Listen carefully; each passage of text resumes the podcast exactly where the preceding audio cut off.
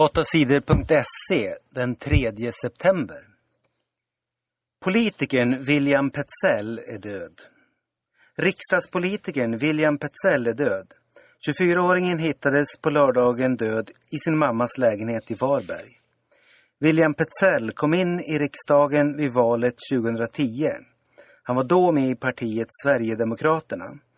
Senare lämnade han partiet men behöll sin plats i riksdagen.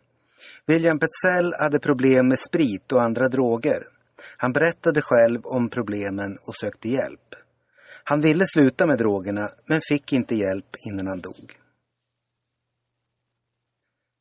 Länsstyrelsen stoppar fällningen av träd. Företaget Nordkalk vill starta ett nytt kalkbrott på Gotland. Företaget har börjat hugga ner träd i skogen. Människor som vill stoppa bygget har samlats för att demonstrera. De sätter sig i vägen för huggarna. Demonstranterna säger att kalkbrottet kommer att förstöra naturen i området. Nu kräver Länsstyrelsen på Gotland att företaget slutar hugga ner träd. Länsstyrelsen säger att Nordkalk hugger ner för många träd. Det kan göra att vattnet förstörs. Det kan bli för mycket kväve i vattnet. Nya svenska medaljer i Paralympics. Den 46-årige simmaren Anders Olsson tog silver på 400 meter frisim i Paralympics på söndagen.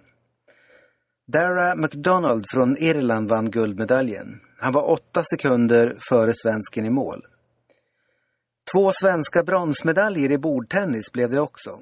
Josefin Abrahamsson vann sin bronsmatch mot Josefin Medina från Filippinerna. Ingela Lundbäck vann över Ketam Abu Awad från Jordanien. Sverige har nu tagit fyra medaljer i Paralympics. Skytten Jonas Jakobsson tog silver i luftgevär i fredags. Hatbrotten mot afrosvenskar ökar.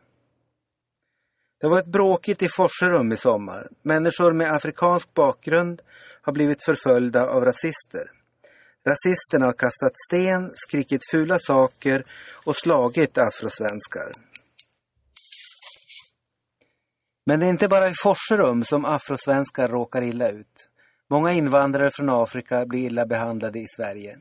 Hatbrotten mot afrosvenskar har ökat i hela Sverige de senaste åren. Totalt har hatbrotten minskat i Sverige, men hatbrotten mot afrosvenskar har ökat med 6 procent.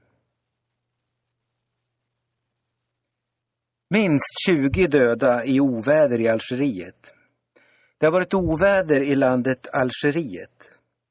Regnet har vräkt ner och det har blåst mycket hårt. Minst 20 människor har dött och fler än 50 har skadats. Det har varit översvämningar och många människor har fått sina hus förstörda av vatten. Fotbollsspelare dog på planen. En fotbollsspelare i klubben Piteå föll ihop på planen under en match i helgen. Den 29-årige spelaren blev liggande på gräset. Matchen avbröts och en ambulans körde spelaren till sjukhus. Men läkarna kunde inte rädda hans liv. Spelaren har haft problem tidigare. Han svimmade i våras under en match i Arkushallen i Luleå. Efter det testades han och läkarna sa att han kunde fortsätta spela fotboll, säger lagledaren Christer Berglund i Piteå. Två mål av Zlatan i helgen. Zlatans nya klubb PSG har fått en dålig start i den franska fotbollsligan. Laget har startat med tre oavgjorda matcher och ligger i mitten av tabellen.